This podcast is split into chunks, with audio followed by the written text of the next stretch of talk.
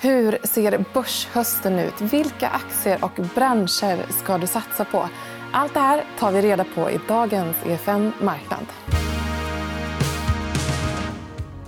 Och med oss för att prata om det här spännande temat så har vi Carl-Henrik Söderberg, aktieanalytiker på Aktiespararna. Välkommen hit. Kul att vara här. Och även Carl Hedberg. Du är aktiechef för Carnegie Private Banking. Välkommen hit. Du med. Tack så mycket. Vad säger ni? Vi är i en otroligt turbulent och omvälvande tid. Eh, mycket som händer från dag till dag. Svårt att navigera. Vad skulle du säga, Karl, om dina tankar om varför det som händer händer?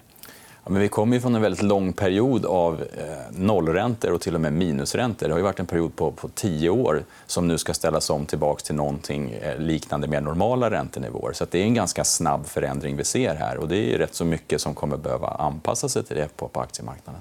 Karl-Henrik, eh, vad säger du? Eh, kommer börsen gå upp eller ner i höst? Vilken enkel första fråga. Eh, Välkommen in i matchen. Ja, exakt. som Carl är inne på, så det är ju framförallt det är räntorna och det är inflationen som, som styr och som har gjort det nu under en tid. Och, Ser man någon tydlig korrelation där? Ja, men, ja, men det gör man ju såklart. Eh, jag menar, vi fick ju, det var väl egentligen kriget som fick inflationen att eskalera på allvar även om den hade kommit ändå. Eh, och centralbankerna har ju behövt agera väldigt aggressivt. Och, ja, som, precis som Carl var inne på, värderingarna har... Om man kollar på pandemin, många värderingar stack ju upp alldeles för fort och för högt. Eh, och det vi ser nu är någon typ av någon typ av normalisering. Och har vi högre räntor då pressas värderingarna ner. Så är det bara. Mm. Och det är det vi på något sätt försöker handskas med nu. Hur mycket ska vi gå ner? Ska vi gå in i sämre ekonomiska tider? Hur mycket ska vinsterna gå ner då för bolagen? Än så länge ser det ganska bra ut, men de guidar för sämre tider framöver. Hur mycket ska vi prisa in? och så vidare. För det är det. Oron för att bolagen inte ska gå lika bra känns det som en överhängande eh, liksom, våt matta över eh, många bolag. Eh, vad tänker du? Börsen i höst, upp eller ner? Jag tror nog att det är mer ner än uppåt. faktiskt. Eh, så att, eh, jag tror att det kan finnas risk för att vi har eh, åtminstone en tråkig start på börshösten. Mm. Eh, vi har en bild här som vi eh, tänkte lägga upp som visar den amerikanska börsen, eller S&P 500 egentligen och hur indexen har utvecklats i relation till vinster och värderingar. Karl-Henrik, har du någon kommentar till till... Eh, det ser ändå ganska positivt ut utifrån ett investerarperspektiv. Tänker jag. Ja, men, och det här är ingen rocket science-graf. Vi har sett och pratat eh, om det här eh, länge. Vi pratar värderingar, vi pratar vinster och vi pratar hur börsen och aktiekurserna har rört sig. Och vi ser här gråa linjen att bolagens vinster har fortsatt att se ganska bra ut. Q2 var överlag bra. Men börsen går inte upp. Så att vi brukar prata om att vinster driver aktiekursen. Absolut, på lång sikt. Men på kort sikt spelar värderingarna roll och nu i ett läge med stigande räntor så ser vi att det är ganska, det är ganska kraftig multipelkontraktion. Mm. Alltså värderingarna har kommit ner. Dels för att vinsterna stiger och dels för att kurserna har kommit ner. Man tänker spontant att det är den här tiden man, man faktiskt ska gå in och vilja investera. Om investeringsviljan var stor i slutet av föregående år eh, så borde man ju faktiskt vara lite mer aktiv. Vad tänker du, Carl? Ja, men det, så kan det absolut vara. Men jag tror att det kanske är lite för tidigt att börja hoppas på att vi redan har bottnat ur. Jag tror inte man ska vara för rädd för att det här kommer att vara starten på en lång, lång nedgång likt vad vi såg i finanskrisen. Men jag tror att risken är att marknaden behöver dels anpassa sig för det här läget med nya högre räntor. Och jag tror att marknaden kommer bli lite besviken på att de här högre räntenivåerna kommer vara uthålliga lite längre än vad man kanske räknade med bara för, för ett antal veckor sen eller för någon månad sen. För mycket av den här uppgången vi såg i slutet på sommaren var ju drivet av en förhoppning om att att framförallt amerikanska centralbanker skulle börja sänka räntor redan nästa år. Och det där kommer kanske lite grann på skam nu i samband med, med uppgifterna som de släppte på, på fredagens presskonferens från Jackson Hole. Mm, exakt. Där var Jerome ganska negativ inför eh, framtidsutsikterna. och eh, Många därefter har eh, visat att man tror, man tror att det kommer att bli en ganska kraftig räntehöjning återigen. Eh, men samtidigt, om vi då tittar på Eh, vad vi för typ av ekonomiskt eh, liksom, klimat vi befinner oss i. Är vi inne i en lågkonjunktur. Eh, man, man ser alla de här titlarna ute i tidningarna. Ska vi lägga upp en ny graf som visar just var vi befinner oss i relation till recession som ändå är en farhåga. Karl, har du någon kommentar? Ja, men det vi kan se egentligen på det här det är ju mer en tillbakablick hur det har sett ut historiskt sett. Att perioder som kanske framförallt i efterhand då har konstaterats vara recession där har vi alltid fått ganska kraftigt fallande bolagsvinster. Eh, och det har vi egentligen inte riktigt sett än så länge. Eh, som vi såg på, på den föregående grafen också. att De här förväntningarna om bolagens vinster ligger fortfarande kvar på ganska höga nivåer. Så då återstår det att se om det är det så att bolagsvinsterna faktiskt ska vara så bestående eller är det bara så att förväntningarna är för höga helt enkelt och kommer behöva justeras ner. Och är det då det senare, att de ska justeras ner, ja, men då är det nog en, liksom en tuffare period för börsen. Och det får ändå lov att sägas vara konsensus. skulle jag säga. Absolut. Alltså, om man lyssnar på bolags efter Q2, alltså ganska försiktig guidning. Vi vet att hushållen har det tufft och plånböckerna blir bara tajtare och tajtare. Eh, kommer bara bli, precis, få det tuffare. Men samtidigt, är, det, är, det för, är man för rädd? Eh, ja, men det, ja, ja. än så länge så visar ju faktiskt bolagen på ganska bra resultat. så att säga. Ja, nej, men, och de, rimligen så kommer de komma ner. Frågan är hur mycket. och Då kanske vi kommer in på bolag vi ska prata om sen. Att det gäller kanske att fundera på vilken typ av bolag med vilken typ av exponering som man vill ha.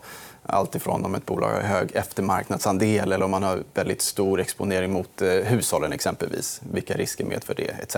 Och den, sen sätta det i relation till värderingen. För att mycket har kommit ner väldigt mycket också och ser billigt ut. Så det är som vanligt. Det är en balansgång där. Mm. Eh, mycket ser billigt ut, eh, men vinstförväntningarna hur ser de då ut framöver? Eh, vad skulle du säga där, Carl? Jag tror att de är för höga än så länge. Vi har väl börjat se som små nedrevideringar men inte alls kanske i den omfattningen som man skulle förvänta sig just om man nu tittar på olika undersökningar hur konsumenten ser på, på närmsta framtiden här, eller närmsta året så är man ju extremt pessimistisk. Mm. Och det där har ju inte letat sig in i bolagen än så länge. De är fortfarande ganska optimistiska. Och då är frågan vart det här kommer mötas någonstans. Men någonstans så är det väl ändå risken stor för att bolagen fortfarande liksom lever i en ganska god tid där man har stora orderböcker man kan jobba av. Man hade problem att producera här när det var mycket komponentbristproblematik. Så nu har man en period när man kan komma ikapp med det. Så därför syns inte den här svagheten riktigt än. Men det finns nog risk att när man är klar med det då kommer man att möta det här som konsumenten redan är liksom rädd för, att man håller det hårdare, hårdare i plånboken. Det kommer leta sig in i fler och fler större bolag också. Mm. Eh, Eh, vi hade en bild som visade just eh, de här förväntningarna om vinst globalt som då kanske kommer att komma ner något eh, i kommande Q3 eller Q4? Ja, jag tror att det kommer att vara gradvis egentligen under, under de kommande fyra kvartalen i, i princip. Då. Så att egentligen det vi kunde se på den bilden var ju lite grann att förväntningarna är ju fortfarande generellt sett i marknaden på att vi ska ha en vinsttillväxt nästa år som är relativt stor. Och det kanske man kan vara lite fundersam till om det verkligen kan stämma givet hur försiktiga konsumenterna verkar vara i sina egna prognoser om framtiden. I alla fall. Mm. Eh, vi har också eh, tänkt lyfta lite mer fokuserat på vilka typer av branscher och eh, kanske till och med några eh, utvalda aktier som kan vara relevanta både för den korta och lite längre portföljen. Eh, så jag tycker vi börjar med eh, branscher. Karl-Henrik, din analys och vilka typer av branscher skulle du säga ändå kan hålla sig lite bättre i den här perioden framåt? Eh, ja, men till att börja med så tror jag att man, att man ska leta efter egenskaper som jag var inne på förut. En hög eftermarknadsandel för att skapa en stabilitet, gärna en stark balansräkning och en låg värdering. Det är liksom så tre basic-grejer som jag tror man ska ha med sig i bakhuvudet när man gör analysen. Men sen vilka sektorer... Jag har pratat om fastighetsservice förut. Eh, där du hittar exempelvis Core, eller Bravida eller danska ISS. kan jag tycka var tre intressanta, ganska defensiva aktier. Eh, Även om fastighetsbranschen har sina utmaningar just nu med högre energikostnader eh, högre räntekostnader, lånekostnader och så vidare. Ja, men det är inte riktigt samma sak. när De, liksom... de behöver, ändå, de behöver ja. ändå servicen. Ja, och vi pratar också om väldigt långa kontrakt. Det brukar vara liksom 5-10 års långa kontrakt. Ofta är de dessutom indexreglerade. Eh, så att, och det här skapar ju en, en, en ganska, en, en, attraktiv affärsmodell med som väldigt stabila kassaflöden, goda utdelningar och en rätt låg värdering. Eh, sen är det olika, olika typer. Core är inte samma sak som Bravida. Men, eh, ja. Mm. Är det nåt du vill lyfta som du tycker skiljer dem åt? Ja, men då tycker jag att Bravida kanske är lite mer, lite mer oälskad. Men jag tycker Core är det ganska många som pratar om. Men Bravida jag tycker jag är lite missförstådd. Man ser byggexponeringen. Den gillar man inte idag. Man tittar på JMs graf, Bonavas graf. Det känns inte superkul att äga någonting som har 50% installation och där 10% är mot nybyggnation av bostäder. Dessutom är det färre som är kanske benägna att köpa nya bostäder framåt. Nej, men exakt, ja. Så det där hänger ihop. Men som sagt, det är bara 10% av deras omsättning. Eh, sen är rätt mycket av installationen, installationsverksamheten är mot eh, offentlig sektor, vilket är betydligt mer stabilt. Och sen har du 50% serviceintäkter, vilket är jättestabilt.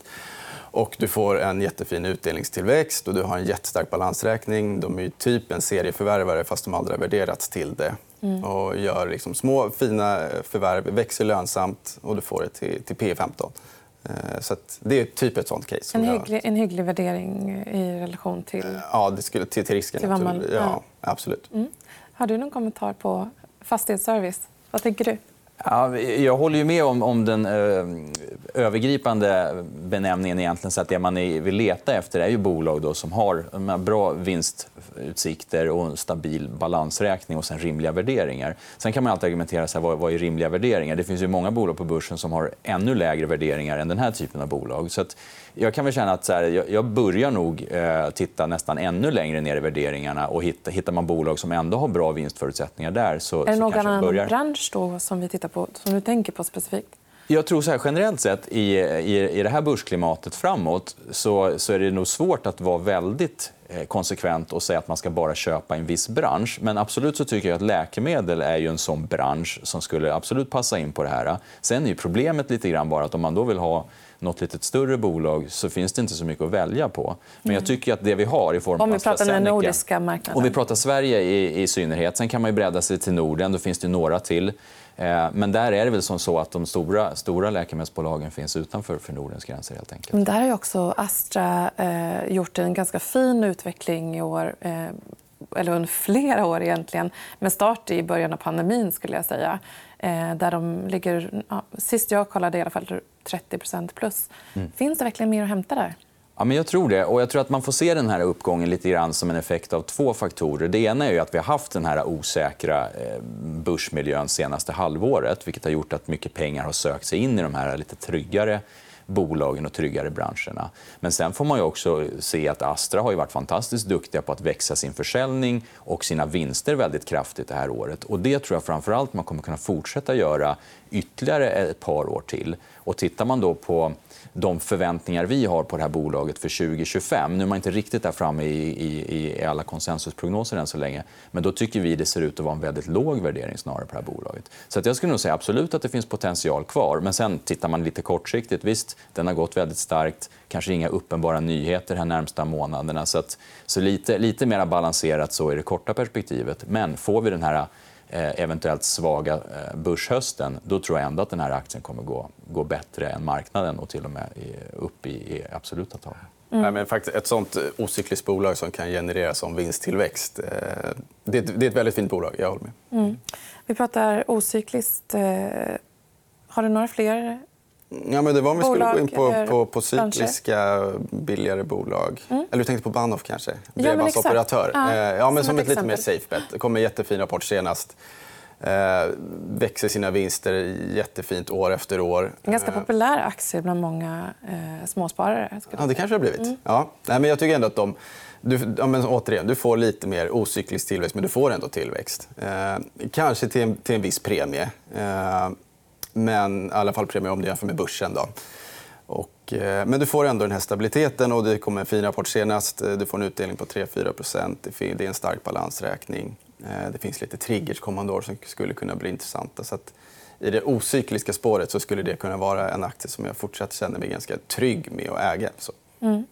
Eh, vad tänker du där om eh, Bahnhof och, och den typen av bolag?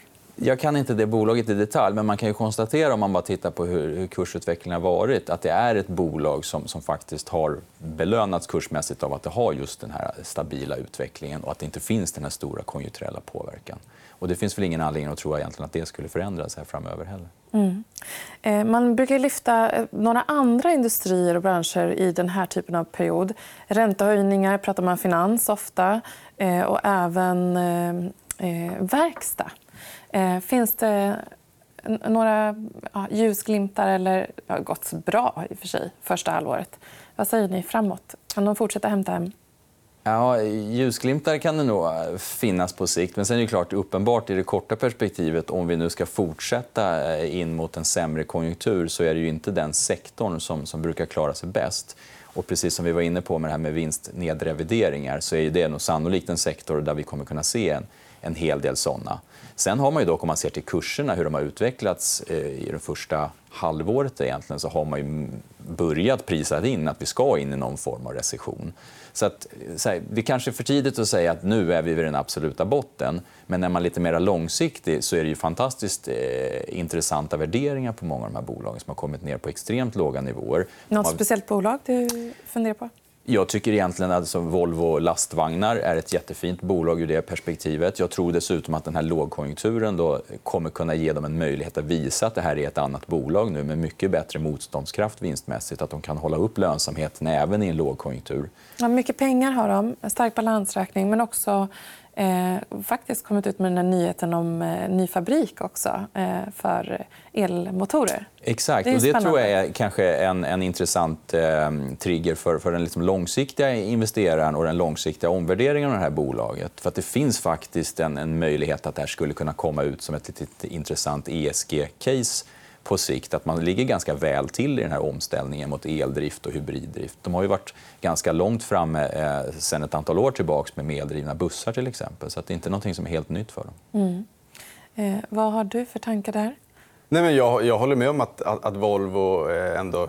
Visst, det är, det är väldigt cykliskt, eh, men till, till P10 och med den resan som de ändå har gjort rent operationellt med, med nya, eller nya inte längre, med Martin Lundstedt som vd det har hänt väldigt mycket och de har bevisat en bättre motståndskraft vilket ju alltid har varit argumentet till att de ska värderas till P10 för att deras vinst har gått så här. Mm. Eh, och nu har den, liksom gått, den är lite mer stabil nu i alla fall. L lite mer. Och sen, så att, Ganska tydlig positionering också globalt. Ja, det, absolut. Ja, men det har de. Så, mm. så är det Starkt varumärke. Ja, mm. absolut. Och, och, det är en egenskap vi uppskattar. Så. Men, så att, eh, sen om vi får den där uppvärderingen... Eh, vi har man har pratat om den länge och den här ESG-triggern kanske är en perfekt sån grej. Och att man nu under den här lågkonjunkturen kan bevisa att ja, men vi kan behålla de här den här lönsamheten faktiskt relativt väl. Mm, för frågan är, de kommer säkert att eh, ha eh, ett stort behov av eh, liksom, resurser för att satsa nu under några år innan de kan börja leverera de här elmotorerna då lite längre fram. Eh, så att, eh, men samtidigt finns det en enorm efterfrågan framåt på eh, på det. Så att, kanske att det, skulle det kunna resultera i en, en, liksom, en tuffare period under några år innan, innan den där uppgången. Vad, vad, tror du där? Ja, men det har nog varit eh, faktiskt en faktor som har hållit tillbaka den här kursen lite grann här nu under, under de senaste månaderna eller senaste halvåret. Just för att man tidigare såg den här stora kassan som någonting som skulle skiftas ut till aktieägare. Men att man möjligtvis har fått justera den eh, synen lite grann just på grund av att man ser det här ganska stora investeringsbehovet. Men jag tror att de kommer kunna klara den balansgången ganska väl. Man kommer fortfarande kunna dela ut mycket pengar till aktieägarna. Men man kommer kunna ha kvar pengar då för att göra de här investeringarna som behövs. Mm. Några andra verkstadsbolag som, eh, som eh, är intressanta? Ja, men jag tog med ja, eh, andra verkstadsaktier som har gått ner egentligen 30% sen årsskiftet. Du är inne på att man har prisat in en recession. Det har man i princip gjort, kan man argumentera för. Jag kan tycka att Sandvik exempelvis är ett fint bolag. Var det rätt med den här eh, avknoppningen och uppdelningen? Eh, det återstår väl att se. Men, men, men ja, det kan jag väl tycka just för att synliggöra värden och så där, eh, så behöver det absolut inte vara en dum idé. Sen får vi se hur det går. Men det, det brukar ju vara bra att sen göra det, det om man ska säga generellt. så. Men sen kan jag tycka att få den här gruvexponeringen som du till viss del får i, i Sandvik men också i typ Epiroc. Eh, väldigt hög eftermarknadsandel, 70% Eh, visserligen lite högre multiplar. Det är dubbelt mot Volvo. Huruvida det ska vara så eller inte, eh, kanske. Mm. Eh, skuldjusterat ser ännu billigare ut. De sitter på en nettokassa. Eh, gruvnäringen är i ett investeringsbehov. Så vet jag inte om det kommer realiseras om vi går in i sämre tider. Så. Men eh, det är någonting som jag tycker ändå ser intressant ut. De tillsammans med Atlas Copco som alltid har varit dyrt. Det var väldigt, väldigt dyrt för några år sedan. Nu har det ändå kommit ner till liksom, ja, P20, mm. ev-ebit. Det har varit en lite tråkig aktie ett tag kanske? Ja, men Även om inte sista året. Mm. Nej, men var det, ja, och det, värderingen har ju alltid varit ett problem. egentligen. Ehm, men här har du starka varumärken, pricing power. och balansräkningar som faktiskt gör att man kanske kan dessutom komma ut starkare ur det här i sämre tider. Så kanske man kan göra värdeskapande förvärv eller man kan agera aktieägarvänligt i form av utdelningar i aktieåterköp. Eller sådär. Mm, en stor det... efterfrågan på stål framåt. Dessutom. Mm. Eh, så att egentligen, vi har pratat både defensiva och aktier lite cykliskt och ocykliskt. Så att säga. Eh, hur summerar vi nu det här? Vad säger du, Carl? jag tror att eh, långsiktiga investerare kan hitta många intressanta bolag. Sen blir det mer frågan om, om tajmingen. helt enkelt. Och vill man försöka tajma den rätt, ja, men då skulle man väl kanske se... Eh, man skulle vilja se att inflationssiffrorna kommer ner lite grann. För Då tror jag dessutom man kan göra något bättre antagande om när räntorna kan börja toppa ut eller börja till och med röra sig neråt. Då, helt enkelt. Mm. Så att den kortsiktiga investeraren ska väl hålla lite utkik efter det helt enkelt och kanske vara lite försiktig inför för hösten. Men som sagt, vi har tagit ganska mycket nedgång redan. Så jag tror inte att man ska se det här som bara början på något riktigt eh, långvarigt. Mm. Så hur vi som konsumenter och producenter står oss eh, mot eh, kommande högre kostnader. Eh, något mer du vill skicka med som en sista kommentar? Eh, Nej, men det är väl just att man kanske håller koll på de här egenskaperna hos bolagen. Och sen, nej, det kommer variera mellan cykliskt och ocykliskt. Jag är också inne på att det kommer vara tufft och nervöst ett tag framöver. Sen är ju börsen alltid framåtblickande. Det kan vara svårt att veta exakt vad som triggar igång en uppgång igen. Eh, det kan ju vara allt från en arbetsmarknadssiffra till... Det behöver inte vara just att Fed väljer att liksom släppa på bromspedalen. Då har förmodligen börsen redan gått upp. Så att, eh, och därför tror jag att det kommer svänga väldigt mycket. för att Marknaden vill gärna hitta någonting att haka upp en positiv analys på också när vi har kommit ner mycket. Och därför kommer vi nog se studsar upp. Men jag tror också att den eh, liksom, lite längre trenden nu kommer vara nedåtgående. Och därför så tror jag fortfarande att man, man gör rätt i att äga mer eh, stabila aktier. Mm. En opportunistisk börs eh, som går upp och ner. och eh, Lite nedgång, men på sikt eh, goda möjligheter att komma in i bolag som man vill äga på lång sikt. Så kan vi säga. Det tycker jag summerar bra. Mm. Tack så jättemycket för att ni var med i dagens EFN Marknad. Och, eh, vi är tillbaka på, eh, i nästa vecka. Följ oss på EFNs Twitter, på vår Instagram, EFN Aktiekoll numera, eh, så ses vi framåt.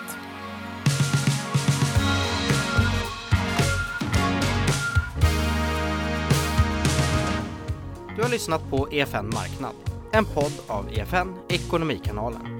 Mer om ekonomi och aktier finns på efn.se.